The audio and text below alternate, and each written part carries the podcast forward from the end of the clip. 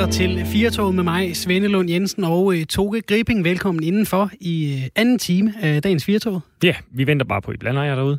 72 30 44, hvis du... Uh, 72 30 44 44, hvis du har lyst til at ringe til os. Ellers så kan du ringe, uh, skrive 1424, så skriver du R4, et mellemrum, og så din øh, besked.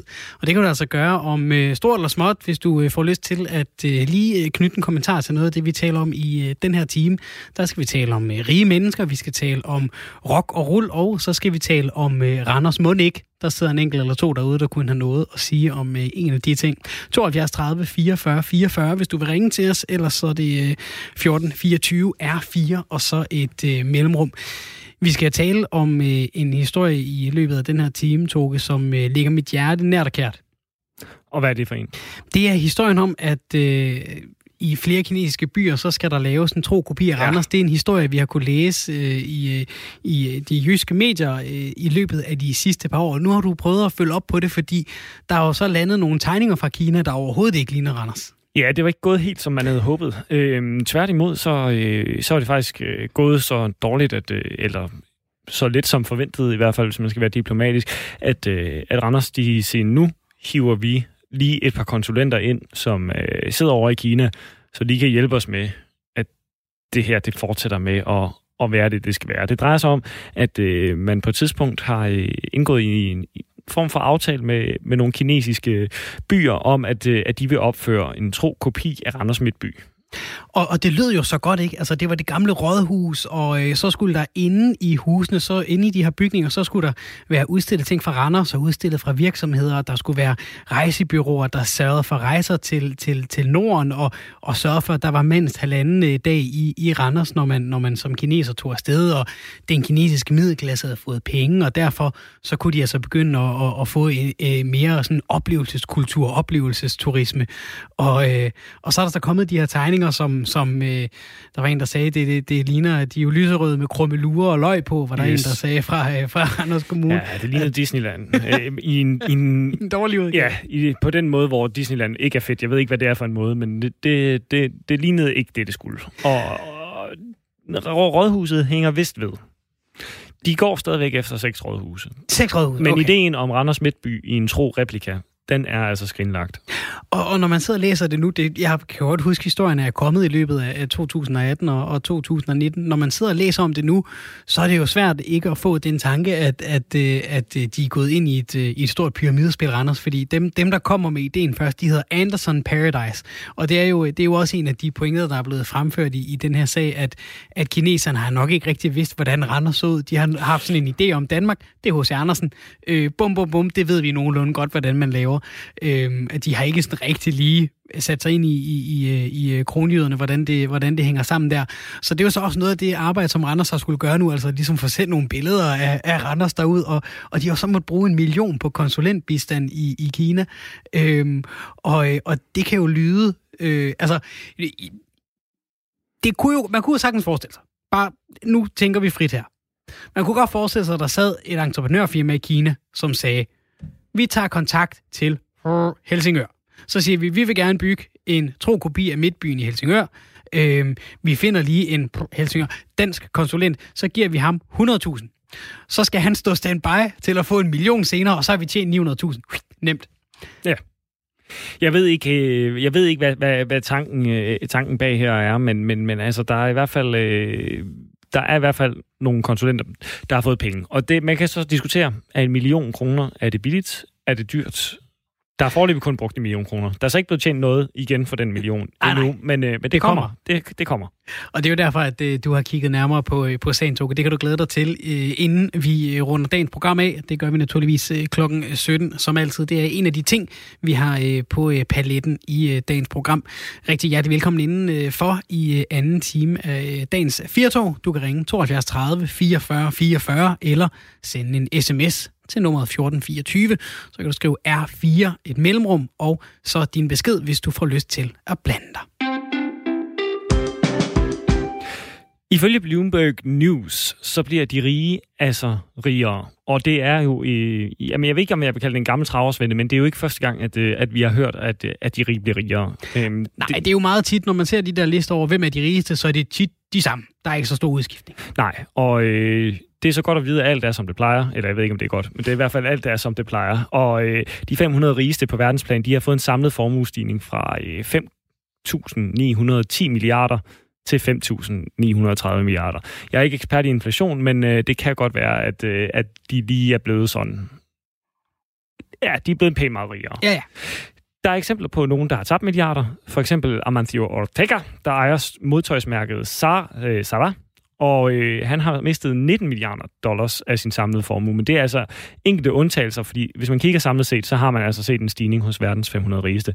Men hvordan hænger det sammen? Altså, vi hører hele tiden, Svend, at økonomien har det hårdt. Mm. Corona har store konsekvenser Vi fik tal i går for, for Danmark, hvor, hvor 8.000 har meldt sig arbejdsløse, og, og det får økonomerne til at, at, at klø sig hovedbunden og sige, hold da mm. op, det ser ikke godt ud, det her. Ja, og alligevel så bliver de rige altså rigere.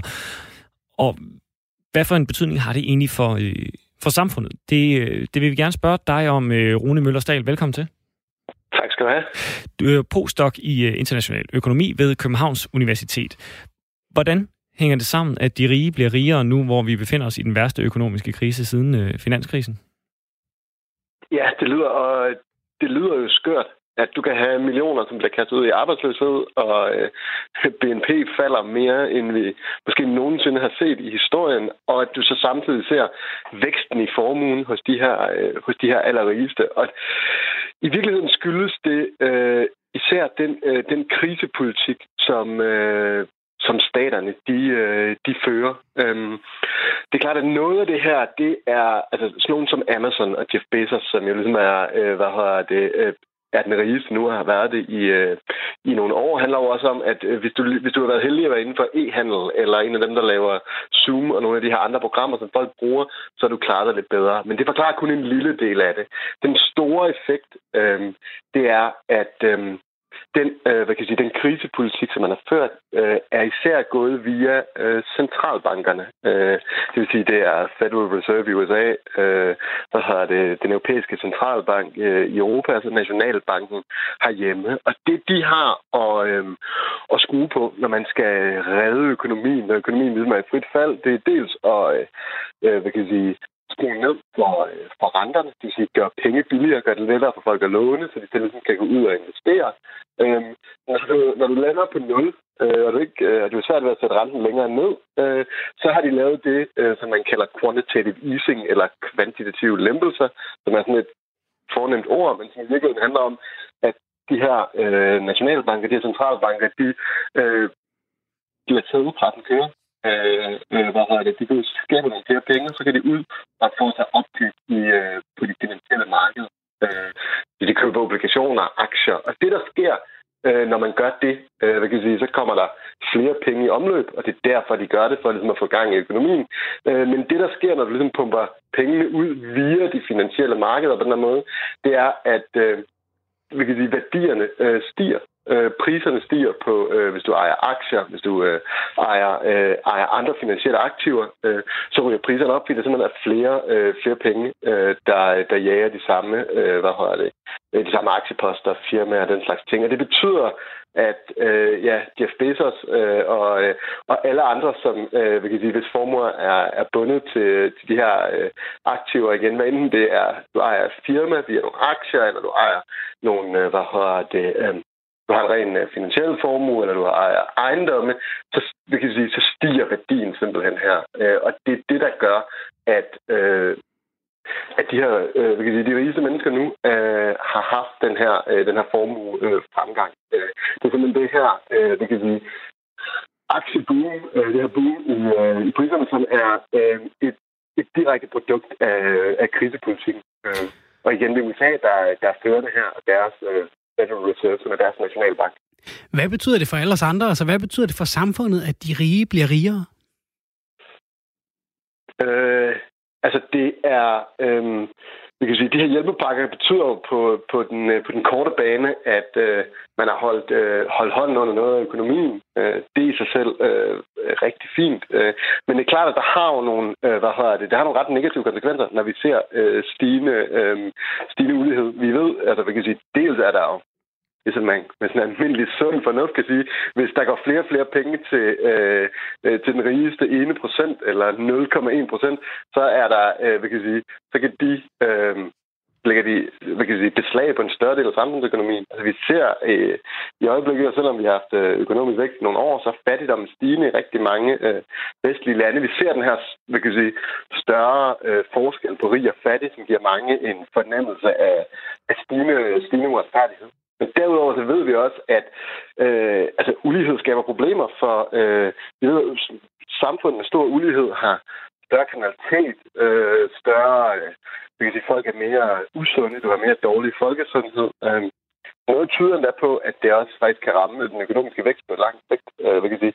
Det skaber en hel masse økonomiske dårligdomme, at du får den her koncentration af, øh, kan sige, af velstand hos de, øh, hos de rigeste.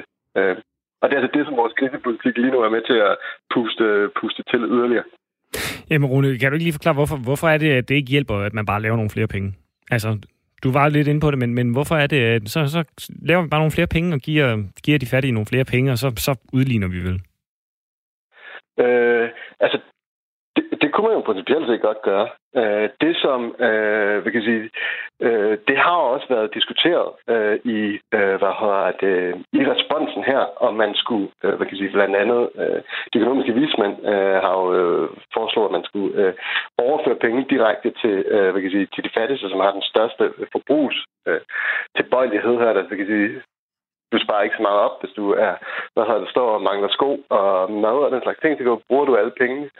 Og i virkeligheden kunne man sige, øh, hvis man gerne, hvis man ville have lavet en krisepolitik, som ikke øh, skabte større ulighed, øh, så skulle man jo i stedet for øh, at lave de her øh, øh, udpumpninger af, af penge til, øh, hvad kan jeg sige, via de finansielle markeder, og nu kommer øh, de folk, som ejer aktiver på de finansielle markeder, og det er i alt øh, overvejende grad de allerrigeste, så kunne man jo for eksempel have sagt, okay, vi giver, øh, vi kan sige, vi giver en check til, øh, til alle amerikanere, til alle danskere, øh, og så er man ligesom øh, skabt, øh, hvad kan sige, øh, skabt gang i økonomien, sikret efterspørgselen af, af den vej. Øh, øh, men altså, man har den måde, man, øh, man har kørt øh, krisepolitikken på. Det var det samme, vi så efter, øh, efter finanskrisen. Det er ligesom, at man har været meget bange for, at staten skulle gå direkte ind og, øh, hvad er det, øh, og understøtte økonomi, og derfor har man gerne ville lave den her indirekte krisepolitik, hvor det ligesom er ja, hvor det er centralbankerne, der via, de, via finansmarkederne øh, prøver, at skabe, øh, prøver at skabe gang i økonomien. Og det, altså, det skaber større ulighed. Øh, øh, det er der ikke rigtig nogen vej udenom, øh, hvad hedder det, hvis det er den måde, du gør det på. Øhm. Nu har vi jo øh, øh, set nogle, nogle tal i Danmark, hvor, hvor vi har mange, som, som har mistet deres, øh, deres job i forbindelse med, med coronakrisen. Og så kan man så høre om sådan nogen som, som Jeff Bezos, som, som bliver rigere og rigere. Og selv hvis sådan en som Jeff Bezos, han mistede en milliard, det ville ikke rigtig røre ham på bundlinjen. Han vil selvfølgelig måske øh, overveje, hvad kan jeg gøre anderledes i min forretning, men det vil, ikke, det vil altså ikke gøre et, et hak i hans øh, øh formue eller livsglæde, der virkelig vil, vil gøre noget. Men hvis sådan en som mig mister 20.000, så er jeg på den resten af året. Øhm, og, og, og vi har øh, alle mulige hjælpepakker, som, som jo går øh, i nogen grad, ikke kun, men, men, men også går til folk, som har øh, ellers succesfulde virksomheder, som har tjent godt, som har øh, styr på, på tilværelsen. Har vi, er vores system bare i stykker her i, i den vestlige verden? Øh, det kan jo, hvad kan jeg sige, det er jo et øh, godt spørgsmål, om man, øh, man mener. Man kan i hvert fald sige, at vi har øh, den måde, man, øh, man bedriver, øh, man bedriver krisepolitik øh, i øjeblikket, er med til at, øh, at eskalere, øh, eskalere uligheden. Øh, og der, øh, så altså, vi kan sige, personligt vil jeg da mene, at øh, det er noget, man bør se, øh, man bør se på fremadrettet. Øh, altså, vi kan sige, man har, der har allerede været, været diskussion om, okay, nogle af de her virksomheder, som har, øh, hvad kan vi sige, øh, som har penge i skattely, øh, når de skal de have været gavn af, af hjælpepakker, øh, hvad kan jeg sige. Er det, øh, er det rimeligt, at øh, når dem, der kommer bedst igennem krisen, er de rigeste, at det så, hvad kan jeg sige, når man skal til at betale øh, regningen på lang sigt. Jeg tror ikke lige nu. Øh, det kan sige, når vi står midt i, øh, midt i krisen, er det måske ikke der, hvor man skal begynde at, øh, at sætte skatterne op. Men man kan sige, okay, hvis vi kan finde finansiering her bagefter, øh, hvor er det så, vi skal, øh, vi kan sige, hvor er det så, vi skal finansiere den? Øh, det er klart, der kan man jo øh, igen øh, vælge at lade fødelpressen, øh, lade fødelpressen øh, køre, som man har gjort. Øh, men øh, man kan også gå ind og sige, okay, er der, vi kan sige, er der nogle folk, nogle af dem, som øh, har øh, haft utrolig meget gavn af, af politik, øh, politikken, ikke jo bare her i coronakrisen, men øh, i virkeligheden siden, øh, siden finanskrisen. Øh, nogle af de her folk er blevet ekstremt meget rigere. Når vi skal til at øh, hvad har det, øh, betale nogle af de her øh, nogle af de her penge af, som, øh, hvad har det, som staterne har været ude at bruge nu, skal man så gå ind og se på, okay, kan vi, øh, hvad har det, kan vi beskatte nogle, øh, nogle af de her store formuer øh, højere? Det tror jeg er nogle spørgsmål, som, øh, som der er mange, der vil begynde at stille sig, når vi ligesom er ude af, øh, af det værste øh, i krisen her. Herhjemme er der jo mange, der, der har mistet deres øh, job eller, øh, eller mistet øh, penge i, i forbindelse med coronakrisen. Og så kan man jo godt Ja, mildest talt blive lidt misundelig på, på, på alle de penge, som øh, til synligheden bliver flere og flere, hvis, øh, hvis man er blandt de rigeste i, i verden. Ja. Er der noget, noget som helst positivt, altså hvis vi skal kigge på noget, der kan være til gavn for os alle sammen ved, at de her mennesker bliver rigere? Øh, vi kan sige, jeg tror, det, altså, det er jo positivt, at øh, staterne har gået ind og forhindret økonomien at kollapse fuldstændig. Altså jeg tror, hvis man bare havde sagt, øh, vi, lad, øh, vi overlader det her til, til markedskræfterne, så havde vi set et langt større, øh, et langt større kollaps. Så på den måde kan det jo være fint, at der er nogle virksomheder, der er blevet, øh, der er blevet reddet, i stedet for at skulle gå, øh, skulle gå konkurs. Øh, men jeg vil sige, på den lange bane, der tror jeg, altså der er der nærmest ikke, igen, hvis vi ser, hvad kommer der af, hvad har det, en ny økonomisk øh, forskning, så at, tyder alt på, at det, altså, hvad kan sige, det skaber øh, problemer i forhold til øh, sammenhængskraft, i forhold til, øh, øh, hvad kan jeg sige, ikke bare øh, de her sådan, retfærdighedsmæssige problemer, men det skaber også øh, hvad kan jeg sige, øh, problemer i forhold til samfundet øh, på, lang, på den lange bane, at du har nogle mennesker, der er så rige, at, hvad kan jeg sige, at formuerne, og dermed også den økonomiske magt, bliver koncentreret på, øh, øh, på så få hænder. Øh.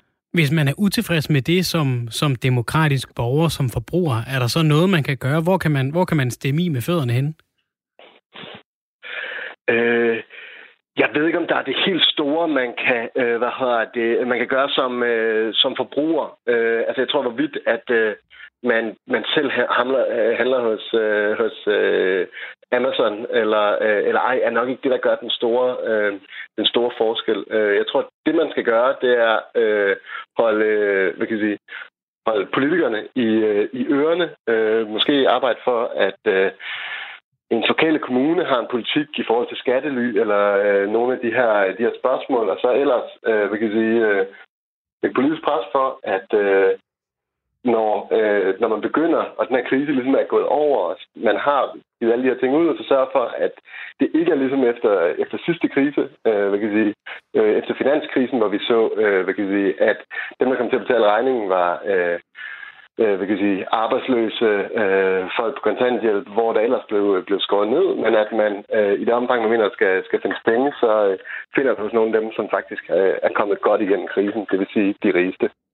Tusind tak for at være med her, Rune Møllersdal, postdoc i international økonomi ved Københavns Universitet. Tusind tak skal du have. I dag, den 3. juli, der er det en særlig dag for rockmusikken. For hvis vi mindes de gamle dage, hvor rock and roll skabte den ene legende efter den anden, ja, så er det jo nogle navne som for eksempel gitarristen Brian Jones, der kom op på nethinden. Det var den øh, 3. Juli 1969, at øh, Rolling Stones gitarristen døde. Og to år efter, også den 3. juli, ja, der døde forsangeren fra The Doors, Jim Morrison. Nu vil vi gerne øh, tale med vores øh, næste gæst om øh, selve rockhistorien øh, og, øh, og dens legender. Velkommen til dig, Paul Novak, rockhistoriker og ejer af Memory Lane Rockmuseum. Tak skal du have. Rock and roll var i mange år den mest toneangivende musikgenre, især for, for ungdomskulturen. Hvordan blev den modtaget, da den, da den først kom til verden? Øh, rock and roll musikken er jo sådan en meget kropslig musikform, og da den sådan øh, starter sådan kommercielt set i USA i 1954, så blev den stærkt fordømt, øh, især af den hvide middel- og overklasse. Der var tre grunde til det. Øh, for det første så var det en blandingsmusik af de hvides countrymusik med de sortes blues. Og hvis der var noget, man ikke skulle blande i 50'erne i USA, så var det sort og hvid. Man havde en del raceproblemer. Man havde bænke for hvide og bænke for sorte. Så det var, det var fordummende næremusik, som blev der sagt om det. En anden årsag til, at det blev fordømt, det var øh, ordet rock. Det er sådan, at de sorte, de brugte ordet rock som en metafor om øh, samlejebevægelser. Så når Elvis han stod og sang uh, Good Rocking Tonight, så sang han faktisk dengang, uh, jeg havde set sex i nat. Det skulle man så heller ikke lige gøre i USA, uh, øh, fordi det var meget, meget frægt og seksuelt forførende for ungdommen, så man var meget nervøs for den her musik. Uh, Elvis stod også og med benene, og Jerry Lee Lewis han sang om Great Balls of Fire. Altså, der var sådan en, en kropslig, undertrykt seksualitet, der trængte til at komme frem, og den forløser rock and roll musikken. Og derfor var den farlig set med myndighedernes øh, øh, vinkel. Det hænger så ved rock and roll lige til i dag, at der er altså noget kropsligt, noget farligt. Pigerne de skriger og besvimer, og, og de her rock and roll fyre, dem skal man passe noget på. Og i dag der er det så øh, den 3. Øh, juli, og på den her dato i henholdsvis 1969 øh, og 1971, der døde Rolling Stones guitaristen Brian Jones og øh, forsangeren yes. fra The Doors, Jim Morrison, som jeg nævnte før. Yeah. De var begge to 27 år, da de døde, og derfor med i, yeah. i det, man kalder Klub 27. Kan du lige forklare os om, om den her, de, de fleste af os har nok hørt det før, hvad er det med den her eksklusive, mytiske, tragiske klub? James Joplin og Jimi Hendrix og så videre. Det var jo nogen, som levede et hårdt liv, og som så øh, døde i en ung alder. Og derfor har man den her klub 27. De er lidt til fælles, at de blev kun 27 år gammel. Det er sådan lidt øh, bizarrt på en eller anden måde, men det var nogle ikoner, som var så store, og som fik et, et, et kort liv. Og Kurt Cobain og, og Amy Winehouse fordi... i, i nyere tid. Ja, også i nyere tid, så kan du nævne hende jo. Og det har jo været øh, sådan nogle kendte figurer der, de, øh, de er jo synlige, og de er stilskabende, og de prøver så grænser af. Det gør de øh, med stoffer, det gør de med sprut, det gør de med øh, seksuel, seksualitet osv., og, og de lever sådan et hårdt liv, og, og det står de så af på. Det kan man ikke holde til. Kan man snakke om, at, at, at øh, kan man skælne overhovedet og sige, jamen det er trist, vi mistede Brian Jones, og det er trist, vi mistede Jim Morrison, øh, øh, eller må man bare anerkende, at, at den måde, de levede deres liv på, gjorde dem i stand til at skabe stor kunst, men det gjorde altså også, at der var en, en, en lidt kortere holdbarhed på, på deres tilværelse, end, end ellers andre, der lever lidt mere almindeligt? Ja, øh, man skal også se den baggrund, at mange af de kendte navne, de har ikke nogen, de ufaglærte, Elvis for eksempel, øh, de, har ikke nogen uddannelse bag sig, men pludselig så kan de noget, og så bliver de berømte på, og så får de alt, hvad de kan trække af penge og tilbud om damer og store biler og sput, og jeg ryger selv nogle miljøer, hvor man sådan eksperimenterer, det, og det gør man også inden for kunst, malerkunster. Så går du ind i de kredse, så skal man vide, at nogen øh, er der og lever et, øh, et fantastisk luksusliv på grund af de andre, øh, men de prøver så også så meget af, så de kan ikke styre det helt selv. Øh, og så går de tæt på det. Og det er jo en øh, konsekvens, og, og det er jo et resultat, man kan sige, de, de bestemmer det selv. Det gør de jo både og, fordi det er jo noget, man glider ind i også, ikke? At der bliver sådan en kultur omkring en, man forventer noget, og man skal prøve noget, og man skal leve livet her nu, ikke? Så det er lidt selvforstærkende, øh, det de gør der. Men det er en pris, som, som de betaler. Ja, du taler om det her, de her mennesker, der øh, jo brænder lyset i, øh, i, i begge ender. Øhm, begge Vi skal zoome ind på, øh, på, på Brian Jones. Øhm, ja. kan, du, kan du fortælle os øh, også lidt om ham? Ja, hvis du tager for eksempel Rolling Stones, og det gælder også The Doors, øh, så var det jo to gode eksempler på, på kropslige bane, ikke? hvor det at stå på scenen og, og udtrykke sig på en bestemt måde med en seksualitet, øh, det var vigtigt. Og øh, de er jo begge to kendt for at være meget eksperimenterende med stoffer. Og øh, hvad hed han, øh, Jim Morrison var jo skæv på scenen øh, rigtig, rigtig mange gange. Han er jo kæmpe misbrug. Og han førte sig frem, og han tog jo også hele striden, og det gælder også Brian Jones, altså med damer, sprut, prøve alt af. Og til sidst så er man lidt ligeglad. Øh, man kommer ind i en gænge, og så siger man, hvad pokker, altså, det, det er nu liv skal leves, ikke? Og så hele crowdet, hele befolkningen omkring, ja, ja, ja, kom så, kom så, kom så. Øh, de, de var grænsesøgende begge to, og de var ikoner, og de, de var meget kropsligt bevidst. Ikke mindst øh, Jim Morrison. Han førte sig meget frem med stramme læderbukser. Men er det også øh, noget, der, der øh, var med til at, ja, altså at gøre dem til ikoner? Vi har, vi har talt lidt om det her med, at altså, de bliver jo øh, fætteret af, af, af, af fans og, øh, og, og, det, og deslige, og de har den her... Ja, det giver dem noget mystik jo også, at, øh, at, at de lever, som de gør, og måske virker nærmest åndsfraværende, når de er, når de er på, øh, på scenen eller bliver øh, vist i, øh, i medierne. Jeg tror, man skal stå på den måde, at hvis du eller jeg fik at vide, værsgo, her er mange millioner kroner, her er alle de damer, du kan tænke dig, du kan selv vælge, her er store biler, du kan få, her er noget sjovt tobak, du kan prøve at ryge, du kan prøve at eksperimentere, så vil det være nogen, de tager det, nogen de prøver det, de stopper det, nogen kommer til afvænding, øh, og nogle de får simpelthen ikke sagt op i tide. Man skal også huske på, i hvert fald dem, vi taler om nu, dengang var der ikke ret meget information om Øh, LSD og, og, og de stoffer der, hvor, hvordan de øh, virkede. Så øh, de levede livet fuldt ud, som jeg tror, mange vil gøre, også i dag, hvis de fik chancen.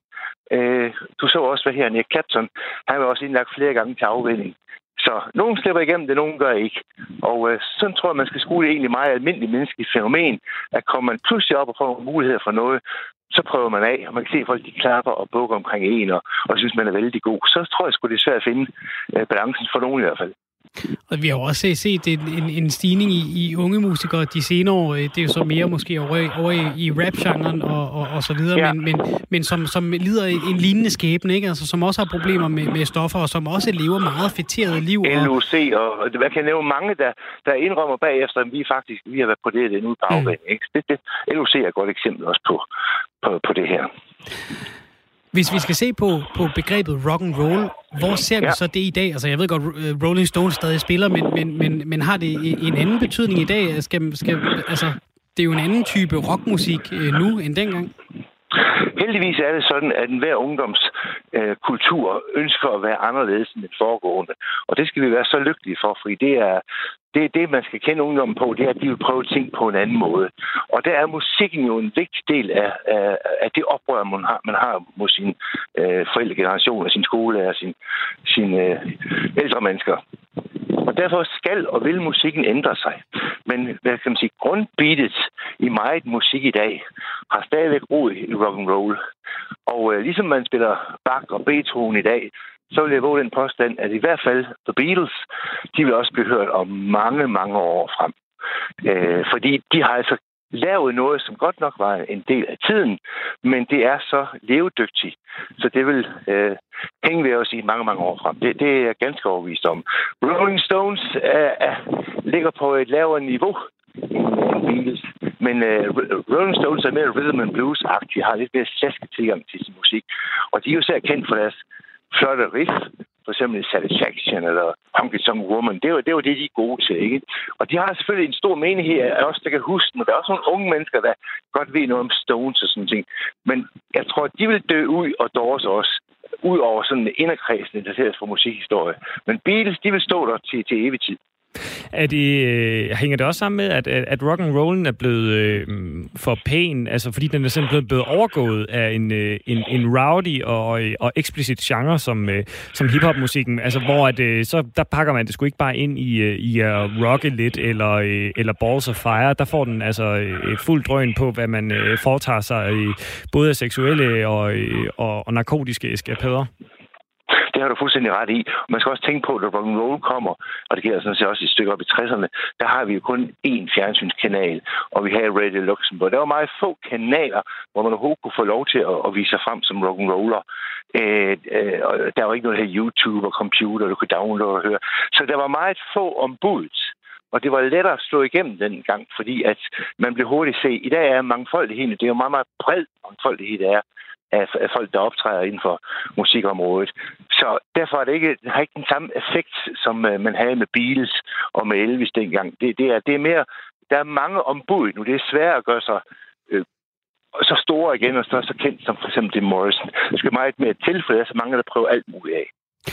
Hvis vi lige igen skal, skal, skal blive ved det her øh, klub, øh, klub 27, altså nogle, nogle store ja. Øh, stjerner i rock and roll historikken som, som, som er døde som 27-årige, øh, øh, er, har deres, deres kunst været på et vist niveau, og så er der den her, det her lidt altså, mystiske tilfældighed med, at de alle sammen dør som, som 27-årige, eller er der nogen, der har snedet sig med, som, som tilfældigvis også er døde som 27-årige, men måske ikke helt kunne, kunne øh, blande sig med så meget andet, end at de også var musikere, der døde øh, unge.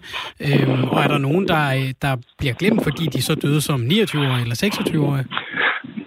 Altså nu igen, der var ikke så mange ombud dengang, og derfor de her ikonnavne, vi endnu har talt om, James Joplin og de, øh, dem, vi snakker med i dagens øh, anledning, de var så få og fyldte så meget, og derfor hænger de ligesom sådan øh, mere ved på et tapet, man vender tilbage til, til rockens rød og sådan noget også. Men, men øh, der er selvfølgelig andre, men jeg vil sige, at James Joplin, Jimi Hendrix, han var jo stilskabende på guitar. Jeg har sgu aldrig hørt en spille guitar som ham før, så de kunne noget, de havde noget, og du blev ikke så stor ved, at du ikke kan noget. De havde et talent for noget, øh, som, som førte den frem, og det gik lignende ud. Det vil vi også gerne se nogle gange. Ikke? Man siger, Brian Jones, han havde godt musikøre, øh, og har ikke efterladt det samme spor Øh, det var jo Mick Jagger, der var førende det band, der øh, Brian Jones var med til at danne det, men han, han, han står ikke sådan som person alene.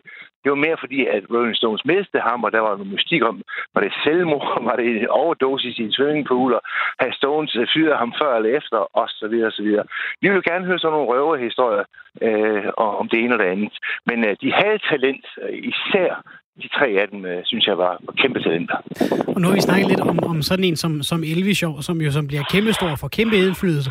Og så har han den her Las Vegas-periode, hvor, hvor, hvor det måske ikke er den store kunst, han, han bedriver. Øhm, øh, Udover at man selvfølgelig ikke ønsker, at, at nogen øh, øh skal dø fra verden, før de har lyst eller, eller er klar. Øh, er, er, der noget, er der noget på en eller anden måde kunstnerisk, øh, noget, noget ærbart ved, at sådan en som Jimi Hendrix ikke får en Las Vegas-periode, som, som Elvis fantastisk jo. Altså, kan man, kan man glæde sig over det som, som musikfan, som rock and roll fan? Du kan jo sige, at Elvis døde som 42-årig, og det vil sige, at han når fra 50'erne, 60'erne, 70'erne. Han var jo før, under og efter øh, Beatles, ikke? Altså, øh, han har så langt et liv, og han var jo The King. Det, det var jo ham, vi, vi lyttede meget til, og så øh, alle hans 27 i film for at høre sangen, ikke også? Så Elvis havde et længere liv til at være konge på, og han er et godt eksempel på et problembarn, fordi han kaldte sig selv The King, ikke? Og han kom til at leve i Graceland i slot for sig selv, og, og Elvis var her og der, og han havde mange spytslikker omkring sig. Ja, Elvis, ja, Elvis. Altså, man kom til at leve sin verden for sig selv, og han havde jo stor adgang til damer, og det lader han ikke skjul på.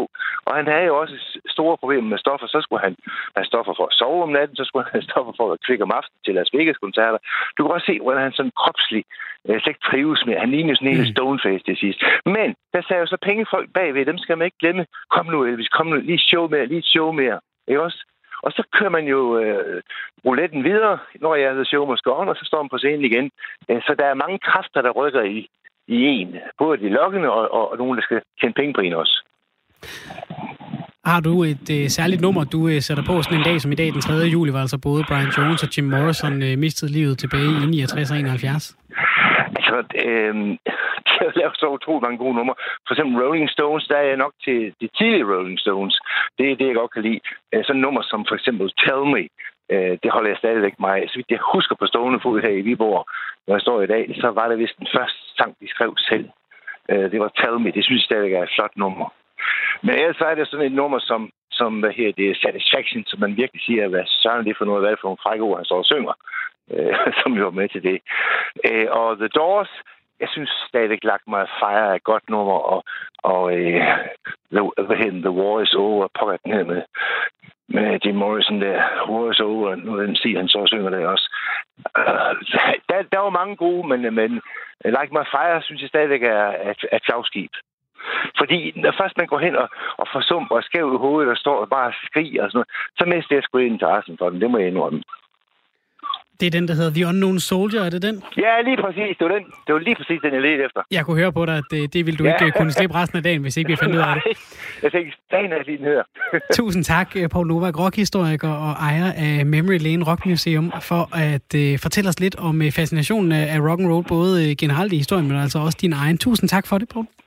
Ja, velkommen. Det var så lidt.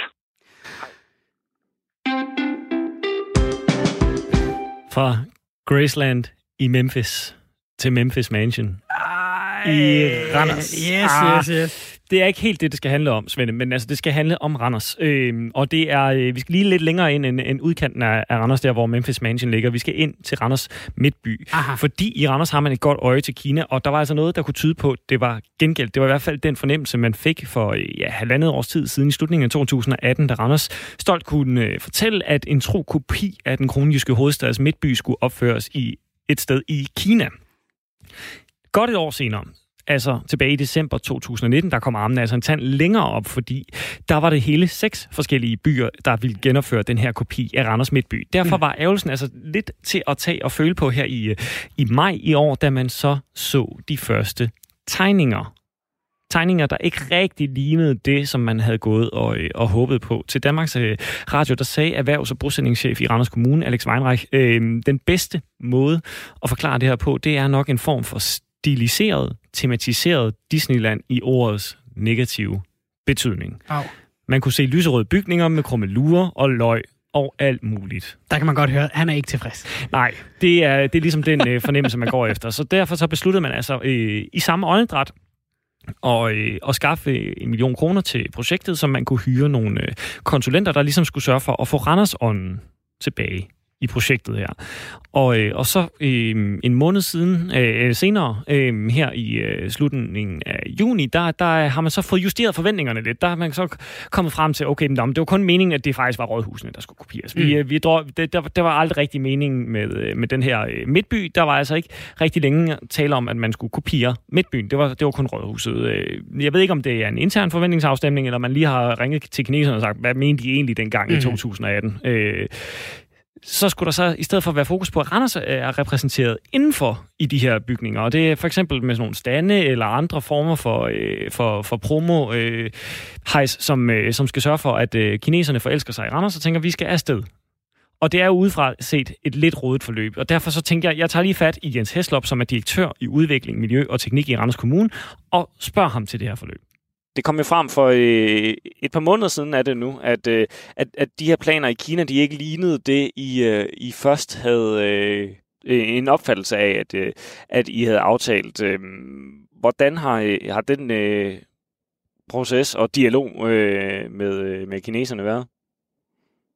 Der, der tror jeg, der, der er lidt nogle journalistiske stramninger og sådan noget i det. Det er, at tidligere vi blev præsenteret for nogle, øh, nogle koncepter for, hvordan sådan nogle temabyer, som man laver i, i Kina, kunne, kunne, kunne se ud. Og det var ikke sådan specielt myndet på, øh, på, på, på Randers by, men hvordan sådan nogle koncepter for temabyer i Kina kunne, kunne se ud. Og, og det må man sige, der, der, der slår der en anden kultur igennem i kinesiske koncepttegninger, end der nødvendigvis går i noget, øh, i noget afdæmpet øh, hvad koncepttegninger i, i nordisk øh, hvad kultur. Øhm, så det er ikke fordi, at vi har set sådan, tegninger, der decideret viser Randers helt anderledes. Øh, der er blandt andet bragt en, øh, et, et billede i den lokale amtsavis. Det er altså ikke et billede, vi har, vi har fået fra kineserne. Det er altså en illustration, man, man selv har lavet på amtsavisen. Men ikke desto mindre, så blev der jo alligevel sagt der i, tilbage i maj, at, øh, at det lignede, hvad var det, en form for Disneyland med krømmel og løg på, øh, på, på, på toppen, og det, og det ikke var helt det, man havde forestillet sig, at man i, i slutningen af 18 går ud og siger, at, at nu kommer der en, en kopi af, af Randers Midtby og, og nogle kopier af, af rådhusene øh, i forskellige byer i, øh, i Kina. Det er rigtigt. Det, de her kon- koncepttegninger, de, øh, de ser anderledes ud, men det vi egentlig aftalt med, med kineserne, de skal jo lave x antal, jeg kan ikke huske, hvor mange der er, på den anden side af 1000 temabyer rundt om øh, hvad hedder, i, i Kina. Der har vi en aftale med et af de konsortium, der laver nogle af de her temabyer. Og den aftale med dem, den, øh, den øh, betyder, at de laver en en-til-en kopi af, af Randers Rådhus, når de laver de her, de her temabyer. Øhm, og den aftale er vi egentlig, egentlig glad for. Øhm, og, og det tror vi får rigtig meget ud af. Der kommer noget Randers indhold i, i, i Rådhusen også. Noget, øh, noget, noget kultur og også noget, noget turisme i det. Så det tænker vi stadigvæk er, er rigtig fint. Du er inde på det her med, at der kommer noget Randers øh, i nogle af de her, øh, i, i nogle af de her bygninger og så videre. Hvad, hvad, hvad er tanken øh, bag det? Jamen tanken bagved er, at øh, skal vi sige, den, den betaling, vi får for, at vi giver dem nogle, nogle tegninger til, hvordan vi laver vores fantastiske rådhus i, i, øh, i Kina, jamen det er, at der kommer et, øh, et, et turismekontor, der, hvor der også kommer, hvor der kan blive solgt rejser til, til, til Danmark. Og der vil også være øh, nogle hilsner fra, fra Randers, der forhåbentlig gør, at der er nogen, der synes, det, det kunne være interessant at interessere sig lidt mere for Randers og Danmark i hele taget. Øh, Danmark har et stort navn i, i Kina, og vi håber da også, at Randers på sigt bliver et, et stort navn i Kina. Der er snak om, at, at de her rejsepakker, man bliver tilbudt til Danmark, de så øh, skal inkludere minimum, hvad var det, øh, halvandet døgn øh, eller halvanden dag i, øh, i Randers, altså en enkelt, øh, en enkelt overnatning. Er det, øh, er det stadigvæk øh, forventningen? Det tænker vi. Altså man kan sige, at alt, der hedder turisme, er jo godt nok godt og grundigt op i luften lige i øjeblikket. Jeg tror, at turisme fra, fra, fra Kina skal nok også lige finde sin, sin ben i lyset af alt det her, hvad hedder corona. Øh, men det er sådan set det, der stadigvæk er, er, er tanken. Men det her øh, projekt er jo blevet også øh, fremført som en stor øh, erhvervsinteresse, eller i hvert fald en potentiel øh, gevinst for, for erhvervslivet i Randers. Hvordan hænger det sammen, at, at, at turister bruger, øh, bruger et døgn i, øh, i, i Randers, og at øh, det så skulle blive et eksporteventyr for randrusianske virksomheder? Ja, men så, så tror jeg, man skal se det i en lidt bredere sammenhæng. Som sagt, så vil man lave øh, på den anden side af 1000 temabyer i, i, i Kina. I den forbindelse håber vi da også ved, at vi er, vi er til stede via vores lokale partner, hvor man interesserer sig for noget, noget, noget dansk byggeri, at det kan kaste nogle opgaver af til, til danske virksomheder. Udover det, så arbejder man også i et andet spor i Kina, der hedder såkaldte lifestyle centers, hvor de egentlig mere er inspireret af den danske livsførsel. Øhm, og det, det vil vi også gerne have noget indhold i. Det er derfor, at vi har en, en, lokalt, øh, en lokal samarbejdspartner derude, der forsøger at putte dansk indhold i de her lifestyle center derude. Og det har vi en forhåbning om, at, at det måske kan kaste øh, nogle opgaver af til sig til både lokale virksomheder i Randers, men også virksomheder i, i Danmark generelt. Så det her er lige så meget et spørgsmål om at være til stede ude i, ude, ude i Kina, og når de laver indhold i de her temabyer, de her lifestyle center, jamen så er der dansk indhold, og så håber vi der på, at det kaster nogle opgaver af sig i, øh, i, i Danmark. Lad os starte med de her øh, bygninger, du siger, øh, at, at det kan jo være, at, øh, at, at øh, det kan lande nogle, øh, nogle, nogle, nogle byggekontrakter. Du hentyder til, at det kunne blive måske øh, en gevinst for, øh, for byggebranchen, men, men, øh, men hvis man skal kigge sådan nøgternt på det set udefra, så giver I dem jo tegningerne. Øh, og så kan de vel bare klare sig selv. Altså, så, så har de lært, hvordan de laver dansk byggeri. Øh, og så, øh, så har de vel ikke brug for danske virksomheder til at, øh, at, at bygge noget som helst. Altså, de er jo ikke kun interesseret, det er jo ikke kun øh, byggedelen, de er interesseret i. De er jo interesseret i alt, øh, hvordan vi indretter vores, vores samfund, om det er vores, øh, vores velfærdsinstitutioner, vores, vores spildevandsinstallationer, øh, hvordan måde vi håndterer naturformidling. Alt sådan noget er de interesseret i. Og det er jo noget, som der er rigtig mange danske virksomheder, der allerede den dag i dag arbejder i, i Kina med og stiller sin ekspertise til, til rådighed, eller leverer øh, spildevandsløsninger eller sådan noget til, til kinesiske byer. Så jeg tænker, at det her det er, det er endnu et, øh, et udstillingsvindue for, for hvad dansk øh, know-how, øh, som jeg selvfølgelig håber, at der kaster nogle opgaver af sig til, til de danske virksomheder. Og den her øh, optimisme, har den udmyndtet sig i nogen sådan uh, aftaler uh, endnu, eller, eller, eller er det stadigvæk på det plan, hvor uh, at, uh, at I siger, I viser Randers og, og, og danske ja, ting øh, og, øh, og varer frem, og så håber I på, at, at kineserne på et tidspunkt vil, øh, vil investere øh, og, øh, og købe af, af danske virksomheder? Ja, altså vi er jo på det, det, det sted, at man er i gang med at lave de, de første temabyer, og man er i gang med at etablere det første, hvad hedder, rådhus, øh, en til en kopi i, øh, i, i, i Kina, øh, men vi er ikke længere end, end det. Og det her, det er det første rul i Kina af de her temabyer, og også det, de kalder lifestyle centers, hvor det hele bydele, der, hvor man bliver inspireret af andre landes øh, hvad hedder, livsførsel. Og det er derfor, at vi egentlig har indgået en kontrakt med en, med en lokal øh, dansk leverandør derude, øh, der sørger for, at, at vi er top of mind, når, når de skal til at lave de her, de her temabyer og, øh, og lifestyle centers, og det håber vi, at det kaster nogle kontrakter af sig. Men jeg kan ikke sige, at det har givet en, en ordre på x antal 100.000 kroner eller millioner til, til en dansk virksomhed, for der er vi ikke endnu. De her øh, konsulenter, I har hyret, det, jeg går ud fra, det er dem, du henviser til? Ja. Ja. Øh, de skal så varetage jeres øh, øh Randers' inter- interesser. Hvordan, øh, hvordan foregår det? Altså er det sådan noget med, at man hele tiden rækker hånden op og siger, husk Randers, eller, øh, eller hvordan foregår det i, øh, i, øh, i Kina? Jamen, jeg skal ikke sige, at jeg er ekspert i kinesiske forhold, men den, det er heldigvis derfor, at vi har hyret det her firma, der hedder Liman, som er eksperter i kinesiske forhold. Øh, det, er nogle, det er nogle danskere, der har base i, i, i, i Kina. Og, øh, og de her Liman, de, øh, de hjælper faktisk med at fylde indhold i de her øh, temabyer og lifestyle center for, øh, for, for, for udviklerne. Og øh, det foregår åbenbart på den måde. Øh, jeg har jo ikke selv øh, oplevet det. Jeg håber, jeg kommer til at opleve det en eller anden dag, at når man sidder og, og projektudvikler på sådan en temaby eller lifestyle center, så har man nærmest sådan nogle kort i hånden, der siger, at jeg har en bygning her fra, fra Randers, og jeg har nogle koncepter her fra Randers, og så spiller man dem ind i sådan en, øh, en, en, en proces, og så er det så det, der kommer til at, øh, at, at blive bygget. Sådan måske en meget hurtig beslutningsproces i forhold til det, hvad vi er vant til. Så det der med at have en, der har Randers indhold helt ude i Kina på byggemøderne, det er sådan set det, vi regner med at, at få ud af det. Har I øh, grebet øh, den her proces rigtig an fra starten, hvis I sådan skal, skal evaluere øh, i det forløbige bagspejl, der er? Øh, det tænker jeg. Altså, det er jo, altså, det er jo ikke sådan lige noget, vi, vi gør til, øh, til, til, til hverdag, og vi er også ude og, og, og noget, der er noget anderledes, end, end vi normalt har, har med at gøre. Så jeg tænker, at vi bliver klogere hele tiden, i takt med, at vi kommer til at arbejde mere og mere med, hvad hedder, med, med kineserne øh, derude. Og det håber de, vi, vi kommer til. I første omgang, så er der sat penge af til, at vi er i gang i to år, 1 million kroner. Og så må vi jo evaluere, om vi får noget ud af det eller ej. Og hvis vi ikke gør det, jamen, så skal vi jo gøre noget andet sted for. Jamen, de her, den her 1 million, det var, det var jo noget, der blev bedt om øh, midtvejs, efter at projektet øh, begyndte at bevæge sig i en retning, som, som i Randers Kommune ikke øh, kunne lide. Var det ikke udtryk for en, øh, en justeringsmanøvre undervejs, altså fordi at projektet var øh, på vej i, i den forkerte retning? Nej, jeg tænker egentlig ikke, at projektet var, var på vej i, i den, den forkerte retning det er, det er den her Disney-tegning, som, som du refererer til. Det er egentlig ikke det, der, der, er, der er omgangspunktet. Det var, at det var muligheden for, at, at vi kan være til stede på byggemøderne derude, men selvfølgelig også sørge for, at når man bygger noget, noget derude, så ligner det nogenlunde det, man, man, man bygger i, i, i Danmark. Det er også en, en, en del af det. Og det er noget af den uh, diskussion, vi har haft med vores uh, lokale kontakter derude, om, at det kunne være, være, være en god idé. Så det er derfor, vi satte pengene af til det. Så, øh, så det har hele tiden været en del af planen, eller hvad, der skulle øh, tilføres den her million på et eller andet tidspunkt?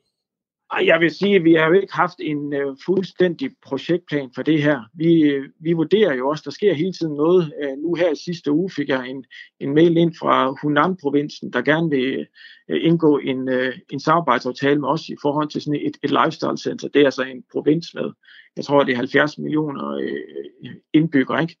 Altså tingene, de ændrer sig.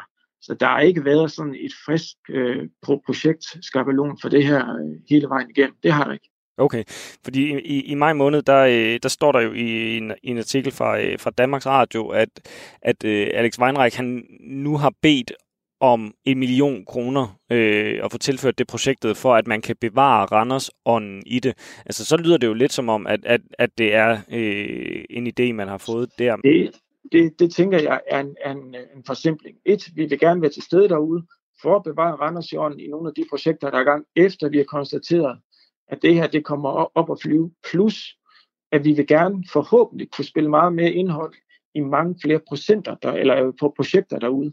Det ene det er det, som, som vores håb er det. Og så håber vi så, at det, at det kaster nogle, nogle opgaver af sig til, til det danske erhvervsliv.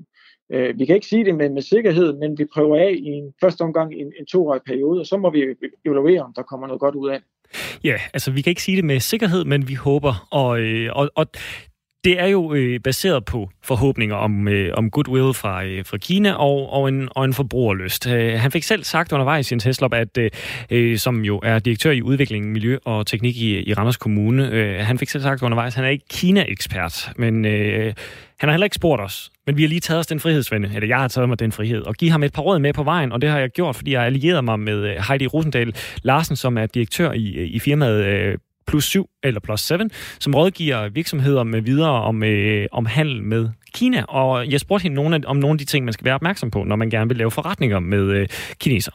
Selvfølgelig er der faldgrupper, og, og det, øh, det er jo den her med, øh, hvordan ser vi verden, øh, og hvad, hvad, er vores, øh, hvad er vores måde at, at lave de her samarbejder på. Øh, og, og dem skal man jo selvfølgelig sætte sig ind i, for der er jo selvfølgelig ikke nogen grund til, at man går i dem.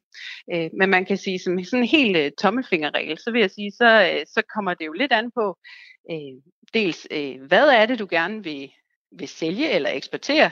Er det noget, der er øh, designet øh, til den kinesiske forbruger, eller er det øh, et stykke dansk kunst, som du vil eksportere til, øh, til Kina? Det er der jo øh, forskel på. Og så er der jo forskel i den anden ende på, hvem er det så, der skal købe det? Øh, hvordan ser deres øh, livsstil ud, øh, og, og har de øh, den økonomi, øh, som vi forventer, at de har, og, og hvordan opfører de sig? Så det her med at komme tæt på målgruppen, det er simpelthen så vigtigt, øh, når det handler om at ligesom, lave de her projektplaner og projektbeskrivelser, og ligesom være helt sikker på, om vi har fundet ud af, hvad, øh, hvad formålet er med, med samarbejdet, og vi ved, hvad, øh, øh, business casen med et godt dansk ord, hvad, hvad det ser, hvordan den ser ud, og, og hvad vi forventer at få sådan lidt mere kroner og øre mæssigt ud af samarbejdet. Men er det så, øh, er det sådan, har det så været naivt, og øh, hvis man øh, i Randers har siddet og tænkt, okay, jamen vi får det præcis som vi gerne vil have det, vi får den her en-til-en øh, kopi af, af Randers? Øh, nej, det mener jeg da bestemt ikke, øh, at det er overhovedet, fordi man kan sige, det er jo, det er jo en projektplan, som, som vi er vant til at, at se øh, alle andre projektplaner. Altså vi, øh, vi får et, et, et, øh, et overslag over, hvordan projektet kan se ud, og så øh, får vi øh, nogle muligheder, som bliver præsenteret for os, og, og når man så har grebet dem og lavet et projekt på det, det synes jeg da bestemt ikke er naivt. Ambitionen er, at man skal skaffe nogle kinesiske turister, og de gerne skulle komme til Randers. Altså, hvor sandsynligt er, er det? At man, altså, at man kan kapre turister på den her måde med for eksempel og så have en form for rejsepakke, man, øh, man sælger inde i, øh, i en af de her bygninger i en af de byer, hvor, øh, hvor Randers ligesom har et samarbejde med. Og så øh, køber man den her rejsepakke, og så bliver man tvangsindlagt til, til halvandet døgn i, øh, i Randers. Altså, er det en, en løsning, der, der før har virket, øh, hvis byer vil etablere øh, ja, eller promovere sig selv i Kina? Øh, altså det er ikke en, øh, et, et projekt, jeg har hørt om før, vil jeg sige. Øh, jeg vil sige, det er, altså, det er jo en, en meget interessant målgruppe at gå efter den kinesiske øh, turist, kan man sige. Så, så, så langt, så godt.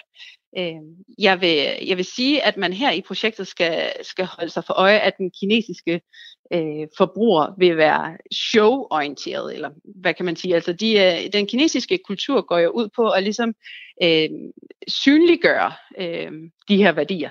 For, for de her turister, de, øh, de kommer jo til at tage nogle billeder. Jeg tror alle sammen, vi har øh, øh, set, øh, når, når kinesiske turister besøger den lille havfru eller, eller andre seværdigheder. Så det her med, at man kan vise sin øh, familie og venner, når man kommer tilbage, og se, se hvad jeg har oplevet, og, og dele sine minder, øh, der, der kræver det også en, en vis form for, for show. Så, så det her med at bygge et, øh, et rådhus for eksempel, eller øh, øh, andre monumenter i, i Kina, synes jeg som udgangspunkt er en, en virkelig god idé. Øh, jeg tænker, at kulturen øh, fra Kina skal integreres i projektet, sådan så at vi får, øh, vi får fanget øh, den kinesiske øh, turist, øh, så, så vi ligesom giver dem muligheden for at kunne, øh, kunne øh, være i deres kultur i forhold til at, at synliggøre, hvor, hvor de har været henne og tage billeder. Og det kunne være, at de fik en lille figur eller et eller andet, som, som kunne tages med tilbage. Og det var altså de øh, bevingede ord fra øh, Heidi Rosendal Larsen, direktør i Plus 7, som rådgiver firmaer og andre om at handle med Kina. Vi begynder så småt at nærmer os afslutningen på øh, dagens og øh, ugens firtoget. Som øh, vi gør hver dag, så skal vi lige stikke hovedet ind i specialklassen. Det er Radio 4's satireprogram. Det kan du høre alle lørdage kl. 20, og der, hvor du finder podcasts. Og i dagens lille klip, som du altså kan høre i, i længere version i uh, selve programmet, så stikker vi hovedet ind på værtshuset til en uh, sludder om de lokale anlægner. Hvad har I set, at Tisse Marie, hun har åbnet en neglesalon i Overgade? Den der lige over for øh, Klippe Ali. Ja, Hvem fanden har hun knaldet for at få lov til at låne til det? Hjælp fra kommunen. Nej, knalder hun kommunkæld? Ja, rygter siger han, at hun, hun gav ham en sudermand op på hans kontor. Nej, for Ja, ja, ja, men det er sgu ikke første gang. Hvad mener du med det? Ja, hvor fanden tror du, hun fik råd til at købe husene i Lillegade? Nej, det er da løgn. Jeg tror sgu da, det var hendes far. Ja, det er det også. Officielt. Ikke? Men rygterne, de siger, at Tisse Maries rigtige far, det er Sten Vormund. Ja, det gør sgu da ikke bedre. Nej, det gør det da ikke. De er jo så i hinanden på kryds og tværs. Men hendes mor, Jytte Torpikkerøv, hun forklarede engang i retten, at hun ikke anede, hvem faren var, så, så de måtte indkalde otte forskellige mænd, som, og så få dem testet. Jamen, hvem var det så? Ja, det var så Sten Vorhund. Ikke? Men han mente jo, at der var fifle med prøverne, fordi han siger, at han har været steril lige siden han kom op og slås med Tommy nede på kemifabrikken. Hvad solgte Søren mange penge egentlig ikke den fabrik til nogle polakker? Jo, og Bolle Tavsberg, hun røg i fængsel for at springe den i luften året efter. Bodil Tavsberg? Var det ikke hende, som... Uh... Jo, det kan du fandme tro. Det var et øh, lille riv fra øh, specialklassen, altså lørdag kl. 20, eller der, hvor du øh, finder din øh, podcast. Der, hvor du finder din podcast, kan du også øh, finde øh, dagens program om ikke så øh, forfærdeligt længe. Det var i hvert fald, hvad vi havde valgt at øh, putte i det. Vi har fået, øh, vi har fået snakket øh, om, om nære, om race, om Hvorfor det ikke findes? Hvorfor det ikke findes, ja lige præcis. Det gjorde vi med, med Søren Hein Rasmussen. Hvis du skulle øh, være gået glip af det, så vil jeg anbefale at gå ind og finde det i øh, podcasten. Det var en øh, yderst øh, spændende snak med ham. Vi har snakket om øh, volden i Danmark, som jo øh, har været på kraftigt tilbagetog. Det faldet med en tredjedel på, på landsplan under coronakrisen. Og øh, hvad det egentlig betyder for, hvordan vi går til nettelivet. Det er der ikke ret mange politikere, der sådan rigtigt vil gøre noget ved. Men øh, det kunne der måske være en, en idé i. Vi er tilbage igen på øh, mandag. Kan du have en rigtig dejlig weekend. Det var øh, alt for os. God weekend. Tak for i dag. Her får du et nyhedsoverblik. Klokken er 17.